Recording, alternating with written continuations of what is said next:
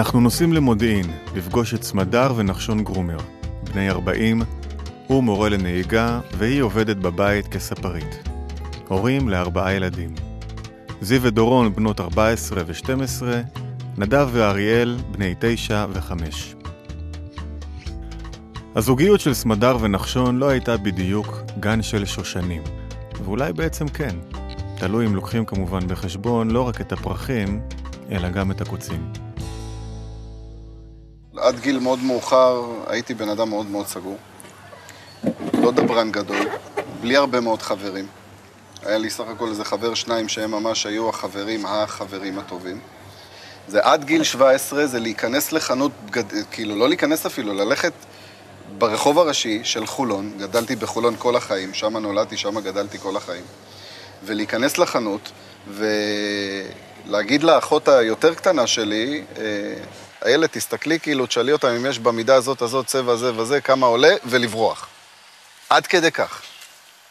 עד כדי כך סגור ומסוגר ולא מוכן לצאת לעולם בשום פנים ואופן, בשום מצב.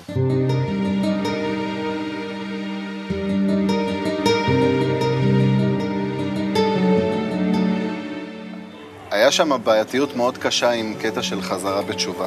שהאימא שלי ניסתה להחזיר אותנו חזרה בתשובה מאוד חזק, שהסבא שלה והסבא שלי, זיכרונו לברכה, הוא גם כן היה מאוד מאוד חזק בענייני התורה, והיא אחרי סמינר של שלושה ימים, פתאום ילדים בגילאים הרבה יותר קטנים מאלה שרגילים לנסוע וטיולים וכולי ולחרוש את הארץ מצפון, דרום, מזרח, מערב, פתאום לא מגיעים לשום מקום ולא נוסעים לשום מקום. ומהיום אנחנו חוזרים בתשובה. פתאום בצבא, ושם גם כן יש עוד חברים, כאלה חברים טובים, בסיס פתוח, כולם יכולים ללכת הביתה, כולם גרים במרחק הליכה ממש, אבל אף אחד לא מוכן ללכת. נשארים בלילות, יוצאים, מבלים, תל אביב, פאבים, עניינים, ולא מוכנים להיפרד. ושם הכרתי פעם ראשונה חברה. אחרי הצבא זה, זה קטע מטורף, כן. זה קטע של סמדר.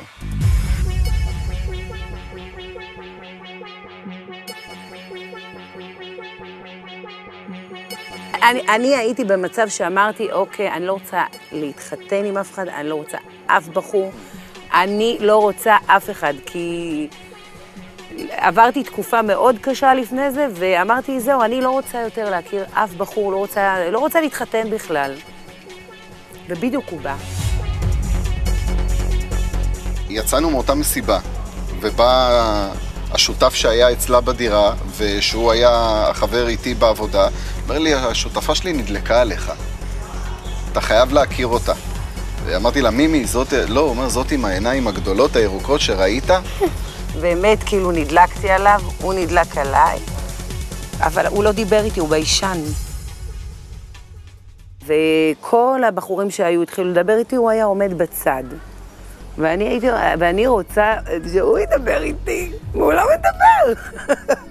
ומאז הייתי כמו פאפי חמוד, מגיע כל יום, ארבע אחרי צהריים שהיא מסיימת את העבודה, יושב ככה בפתח הדלת, ומחכה שם על הספסל בכניסה, מתי היא תבוא, מתי היא תבוא, והיא הייתה מסיימת את העבודה והולכת לחדר כושר ולעיסוקים ולסידורים. כנראה שהוא חיכה לי, אני לא ידעתי בכלל שהוא באמת... אה... היה בא כל הזמן, לא ידעתי בכלל מזה. וסתם באיזה סוויץ' כזה של מסיבה אחרת לחלוטין, שהיא בינתיים עזבה את הבית, חזרה לאימא שלה, כבר לא גרה עם השותף. אני נכנס, מסתכל מסביב, כבר שכחתי. ופתאום היא נכנסת פנימה, וכזה זום. נו, כמו בסרטים, כמו בסרטים. וזומים כאלה. לא. ואני זוכר שהגעתי למסיבה, זה כמו כאילו, הגעתי למסיבה עם אבא, עם אבא וחזרתי עם אימא, אז הגעתי למסיבה עם החבר שלי על אופנוע, וחזרתי עם אימא, עם האימא של הילדים שלי.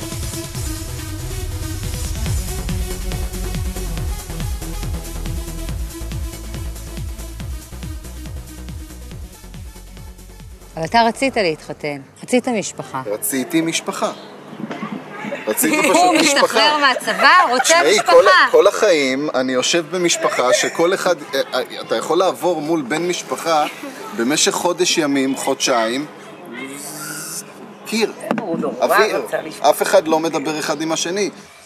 כאילו, בין לתת חומר לבין לתת אהבה, יש פה פערים אדירים. ובאמת אומר, לא קשור למה וחומר לא נותנים. היה חסר כלום. זו תקופה שפשוט היה חסר בכל הארץ, ולנו היינו פשוט ילדי שמנת. היא קראה לי כל הזמן ילד שמנת. אתה היית ילד שמנת. כי- אין משהו שלא כי קיבלת. להבדיל אלפי הבדול, הבדלות מנחשון, אני באתי מבית שלא היה בו כלום מבחינה חומרית.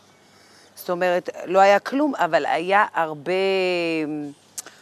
חמישה אחים, גרים בבית קטן, ו... והסלון זה היה מרכז העניינים. אצלהם החדר זה המרכז של כל אחד. לא, אנשים לא ישבו בסלון. ואני, בשבילנו. הסלון זה היה המרכז. זה מצחיק נורא, כי זה הסיפור, הסיפור של אימא והסיפור של אבא.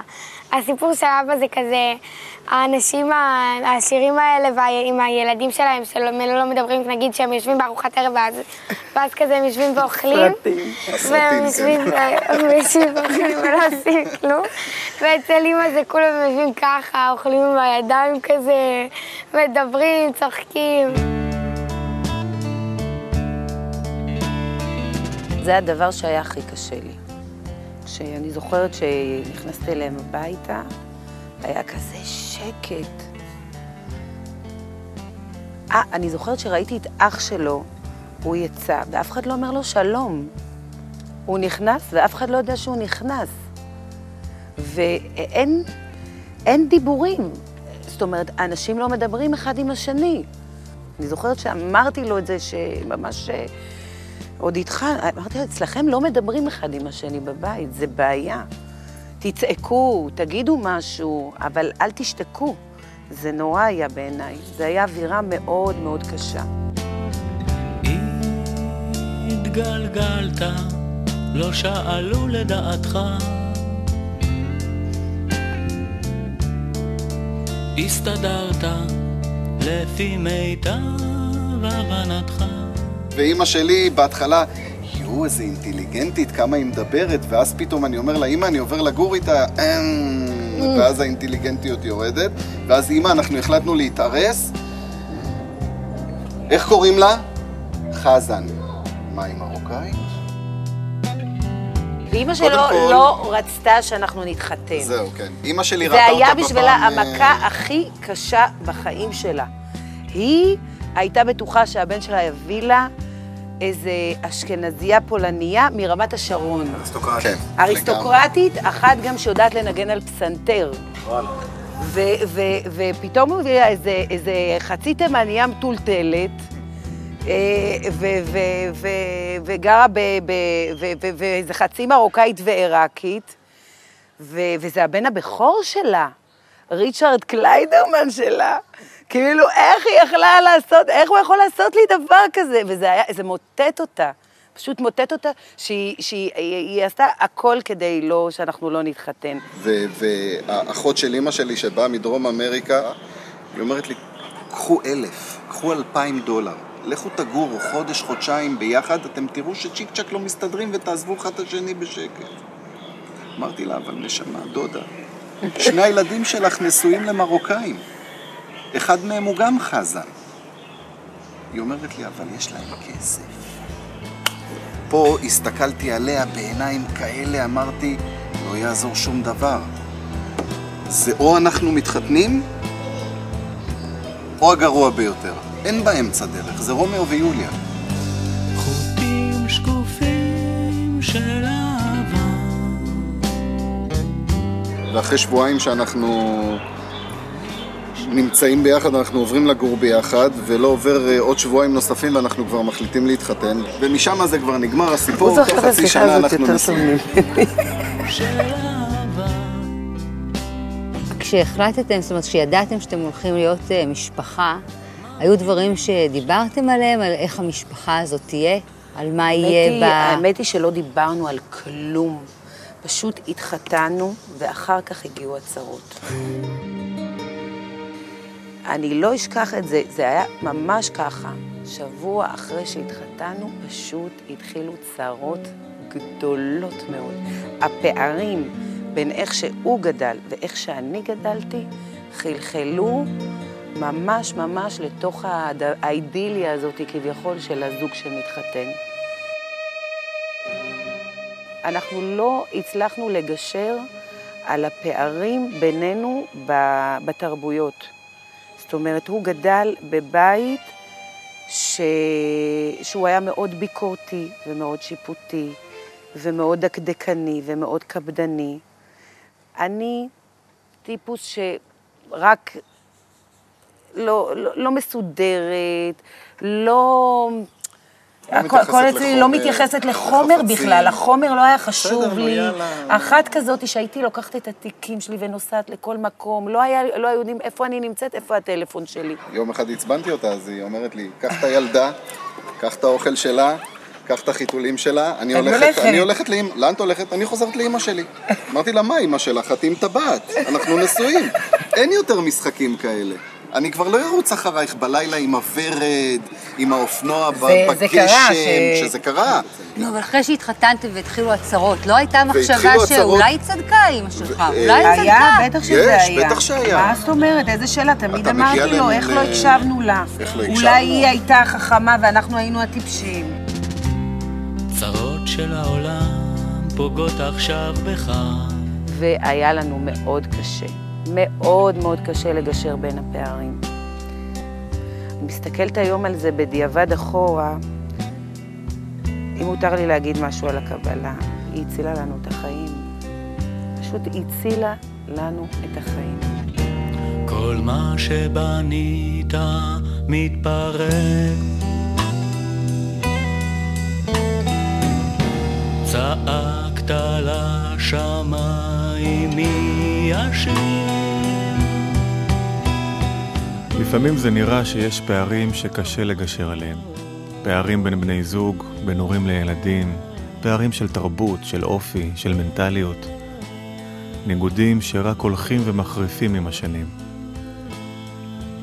לפעמים זה נראה שאין קצה של חוט. החוסר תקשורת רק העמיק בינינו, כי אה, בבית לא היה לו טוב, כי אני כל הזמן התלוננתי. אז הוא היה בורח לאימא שלו, שנורא אהבה שהוא בורח אליה, כי היא צדקה. ואז, אה, ולאט לאט גם הגיעו עוד ילדים. זאת אומרת, היינו בטוחים, טוב, נגדיל את המשפחה, אולי נעשה עוד משהו, אולי נעבור דירה, אז זה ישנה את האווירה. אולי נשנה מקצוע, אולי נעשה משהו, אולי נביא עוד ילד, הוא יביא בטוח שמחה לבית אחרת, הוא ישנה יותר את המצב. וככל ש... שעשינו כל כך הרבה מאמצים. להציל את הדברים, אה, זה רק העמיק יותר. לא, לא, לא, הוא לא היה מרוצה ואני לא הייתי מרוצה. כמובן הילדים סופגים, והילדים שומעים את כל הבלגן, והילדים לא חיים במקום אחר, הם לא חיים על פלנטה אחרת. ו- ורגעים של... אה, אתם רואים, בגלל המריבות שלכם, אז עכשיו אימא היה, התחילה כן, לריב בוודאי, איתי, אתה גם מאשים את הילדים, ואז אתה מתחיל להאשים. גם, דרך אגב, את הילדים, ואז בכלל אתה הופך להיות מפלצת איומה בצורה מטורפת. אז כל החלום הזה של משפחה מחוברת וגדולה, שחיה בסלון, הלך. מתפוצץ. לך בפרצוף.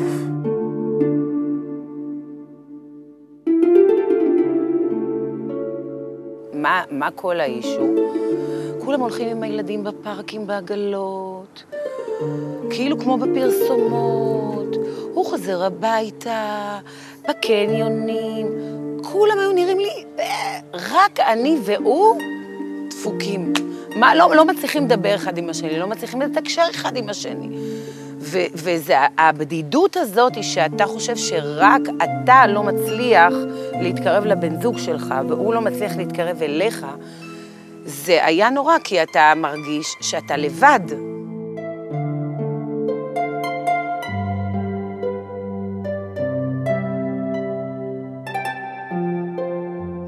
פשוט הרגשת כמו זומבי. אתה קם, הולך, מתנהל, עושה, חוזר. ממש ככה. זו הרגשה של חושך מטורף, שאתה חודשים מת מעליך. אבל אז כאילו הכל השתנה מהרגע שהמקצוע שלי השתנה. ישבה חברה, אמרה בוא נעשה שינוי, אני מורה, את אה, למדת פסיכולוגיה, עובדת עם ילדים, בוא נלך ללמוד ספרות. וזה זה הלכת ללמוד ספרות? בלי, בלי, זה היה ממש בלי לשאול הרבה שאלות. ובאמת, באמת, אה, היא לא, היא לא המשיכה, שני ידיים שמאליות, אבל אני שקעתי. אני שקעתי לגמרי בחומר, אז התלהבתי כל כך מהתוצאות, ו, ואז אה, התחלתי לעבוד בבית. במספרה לאף אחד לא טוב, כולם מספרים את כל הבעיות שלהם. ואני מקשיבה, ואני אומרת, "בוא, לזאת יש בית יפה, ילדים מקסימים, היא נראית מצוין, אבל היא הייתה מס- היא מתיישבת, מסתכלת על המראה, ולא מרוצה מעצמה. ביני לבין עצמי אני נקי, בינינו יש קנאה. ו- ו- ואז אה, אז כאילו קצת שמחתי, כי את לא לבד. כי אני לא לבד, שכל הזוגות הם לא מושלמים, וזה עשה לי טוב, זה עשה לי טוב. צרת רבים. כן, נחמת אני הייתי ממש ככה, הייתי ממש בשלב שהוא קל לי. כולם סובלים, איזה כיף. יש, כולם סובלים כמוני. זה היה משהו נהדר. אולי אפילו... אולי אפילו סובלים יותר ממני. אני רוצה לסחוט אותך, אני רוצה לשלוט בך, לא סתם קנאה זה דחף להשמיד. ו... אבל הייתי, היה נורא כואב לי. כואב לי לשמוע אותם עם הצהרות, וכאילו אני לא יכולה לעזור להם, אני לא יכולה לעשות בשבילם כלום. התענוג הזה נגמר, שאתה מרגיש שכולם סובלים כמוך. כשראיתי אותו במצב הזה, כבר לא היה אכפת לי ממני, כבר התחיל לכאוב לי עליו. אני אמרתי, מה אני עושה כדי שהבן אדם יחיה? אתה מגיע למצב שאתה אומר, אתה מרגיש שכל הדלתות נסגרות עליך. איזה דלתות. נסגרו? הכל. הכל, כל הדלתות סגורות. פשוט נסגרות, ננעלות, ננעלות, כאילו סוגרים אותך באיזה פינה. הרגשתי לגמרי ש, ש, ש, שפשוט סוגרים, ממש כאילו הכל נסגר סביבי, כמו איזה חגורה של אין אושר, רק עצב. אין, אין... ארוך. ארוך ואין שמחה בכלל. אין שמחה. אין שמחה, אתה, אתה רוצה לעשות פעולות שמשמחות אותך, אבל הן נורא רגעיות, הן נורא לא משמעותיות, כי היותר, יותר זה הכלום הזה. אני הבנתי שמה שלא יהיה לבן, ל, ל, ל, ל, לבן אדם, מה- ממה שהקשבתי לאנשים, ועד היום אני מקשיבה, אה, אה, כל מה שהם יעשו בחיים וכל מה שהם ישיגו, זה מהר מאוד יימאס.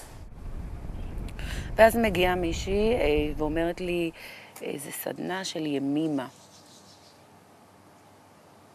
ואמרתי, את יודעת מה? נלך. ואני לא בן אדם שהולך.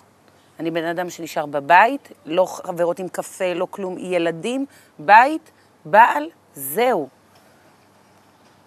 ואני נכנסת לשם, ואני יושבת, ואני מקשיבה, והדבר היחיד שתופס אותי זה שהיא אומרת, אה,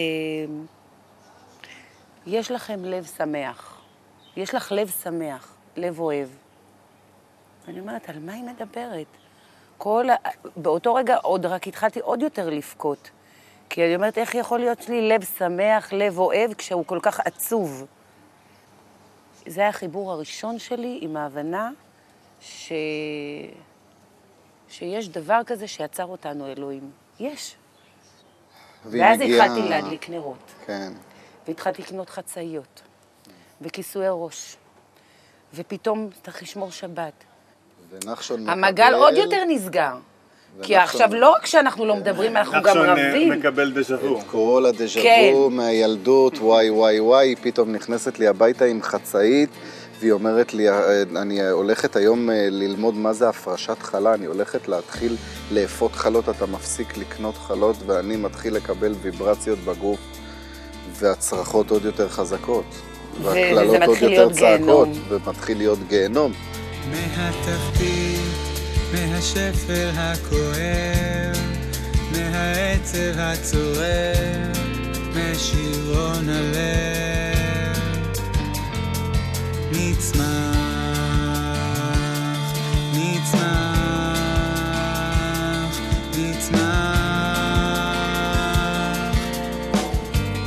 ואז זה היה חודש, חודשיים שהתחלתי ללמוד, ופתאום הוא בא אליי, הוא אומר לי, יש ערוץ חדש, את יודעת. והוא פתח לי את הערוץ. הוא אה, הדליק לי 66, זה היה בערב, אחרי שסיימנו לעבוד. גם ככה לא היינו מדברים אחד עם השני. אמר לי, אז יאללה, תראי. אני, אני פשוט נפלתי, זה היה שלוש דקות, ואני עוד תופסת אותו ככה, ואני אומרת לו, יואו, יואו, תקשיב מה הוא אומר. הוא אומר לי, מה הוא אומר? אני לא מבין מילה. אני אומרת לו, נחשון, תקשיב לו, הוא אומר את האמת, הוא אומר את האמת. אתה לא מקשיב, אני, אני אומרת לו, תקשיב, מה, איך זה יכול להיות שאתה לא מבין מה הוא אומר? תקשיב מה הוא אומר. והוא אומר לי, סמדר, אני לא מבין מילה, תרגיע אותי. והוא קם, והוא הלך, ואני פשוט נשאבתי. זה היה, מה זה היה? זה היה... קשה לי להסביר. זה היה כאילו כל, אתה, כל המחשבות שלך באותו רגע מסתדרות. ואני אומר, יואו, מישהו אומר את האמת. יש מישהו שאומר את האמת, ו, וזה שייך כאילו לדת, אבל הוא אומר, זה לא הדת, וזה לא זה, לא זה, זה זה. ואתה יושב, אני ישבתי שעה, והוא, והוא מסביר את האגו, והוא מסביר את זה, והוא מסביר את זה, והוא... ושאתה לא מסוגל להתחבר, ואתה לא, אתה לא, אין לך, אין לך אהבה בלב. היא אומרת, יש לך לב אוהב ושמח. ואני לא מבינה אז למה אני עצובה, והוא אומר, אין, אין, אין לך לב, הלב שלך הוא לא, הוא אגואיסט. ו, וזה היה האמת. זה, הוא הסביר לי מה בכל זאת עצוב לי. מה העצב הזה בתוך הלב, כי, כי, כי זה האגואיסטיות. זה, יש לך אומנם לב, אבל אתה לא מצליח לפתוח אותו בכלל, כי הוא סגור. אז הלכת לכנס לפתוח אותו. אני נוסעת לכנס. בחיים שלי לא, לא, לא הייתי בכלל ב, ב, ב, באירועים כאלה. אני, אני לא מדברת, אני רק מרגישה. ואני מתחילה לבכות. ואז אה, שרים הנה מה טוב ומניים, ואני ממשיכה לבכות והולכת, אני מרגישה יד נוגעת בי ככה, ואני שומעת קול של בחורה, עדין, עדין, שקט, שקט. שר, הנה מה טוב ומניים. אני לא מסוגלת לשיר. ואני שומעת אותה שר, עדין, עדין, שקט, שקט, כזה כמו זמיר הכל היה. והיא שרה לי הנה מה טוב ומניים. ואני עוד יותר בוכה, ועוד יותר, כאילו ממש ממש מתפרקת. ואני לא מבינה בכלל איפה אני נמצאת. ואני רואה את כולם רוקדים, ואני מרגישה את כל השמחה. ומגיע שעה חמש אחרי צהריים, ואני חשבתי רק ללכת לשעתיים. ואני מרגישה כמו, אה, חזר, כמו, כמו שבן אדם חוזר הביתה אחרי עייפות מאוד מאוד גדולה והרבה הרבה חום ואהבה. וכבר תשע בערב, ואני מסתכלת ואף אחד לא מתקשר, ואני אומרת, יאללה. ואז כבר הגיע לי המושג של הבורא, כי שם כבר אתה שומע בורא ובורא ובורא. אפשרת לי להיות ביום הזה. זה, זה פשוט, לא, לא ידעתי כמה להגיד תודה על היום הזה. ואני יוצאת מהגנת הארוחה, נגמר היום, ואני חוזרת לחניה, ואני מתחילה לבכות. כאילו לא רוצה שזה ייגמר. לא רוצה שזה ייפסק הדבר הזה. לא רוצה בכלל... ואם זה אפשר, אז אני רוצה שכל החיים אני אחיה בכזאת אווירה. כל החיים. ואני לא עשיתי כלום לאווירה. היא, היא, היא פשוט נעשתה שם על ידי האנשים. ואני נכנסת הביתה ואני רואה אותו מחייך. סליחה, אני מצטערת. זה היה פעם ראשונה שהוא צחק, הוא חייך, אתם מבינים? אני כל הזמן רציתי שהוא יחייך. והוא היה מאושר, והוא פתח, פתחתי את הדלת והוא חייך, הוא פשוט חייך בחיים שלי, לא ראיתי אותו מחייך ככה, חוץ מהחתונה שלנו. קניתי תלמוד עשר הספרות לתומי, אני באה לרב, אני אומרת לו, תרשום בבקשה, לבעלי נחשון היקר, תתחיל ללמוד. והרב כתב, לבעלי נחשון היקר, תתחיל ללמוד. ואני מביאה לו את הספרים, והוא מחייך, והוא מחייך. והילדים היו כאלה יפים, הם היו כאלה מושלמים. כל הבית היה ממש, ממש, כל האווירה הזאת עברה כאילו ישר לתוך הבית שלי. כשאדם מאבד את הטעם, מתייאש מהכוחות של עצמו, עליו לפנות לשמיים, יש שם מי שמקשיב. והיא כנראה העלתה איזושהי תפילה כל כך חזקה, כי בלילה השלישי של הכנס, של 2009, שעון צלצל. לייטמן כמובן מופיע לך מיד, כי הוא יושן איתך והוא מתעורר איתך, והוא יורה לך חץ לתוך הלב, ואני נעמד, ואתה נחנק. אני לא יכול לזוז. עד שיום אחד הוא בא ואמר לי, אני רוצה, אני רוצה שהבורא יפטר אותי כבר מהעבודה הזאת של העיתונים, שאני אלך לשיעור בוקר של לייטמן ב... בשישי בבוקר, של החדשים. כל השערים ננעלו, חוץ משאר הדמעות. ביום שהוא היה בשיעור בוקר, הראשון של הרב, הוא התקשר אליי בשש, בש... רבע לשבע בבוקר, והוא צועק לי בטלפון, אני אוהב אותו, אני אוהב אותו, את לא יודעת מה אני מרגיש, את לא יודעת מה אני מרגיש. אני כל כך מאושר, אני, את פשוט לא מבינה מה אני מרגיש, והוא מתחיל לבכות, והוא מתחיל לצחוק, ואני אומרת, יואו, יואו, כאילו, זהו, הוא, הוא, הוא, הוא, זה, עכשיו כבר, כבר את יכולה לנוח. הוא חי, הוא חי, ממש חי.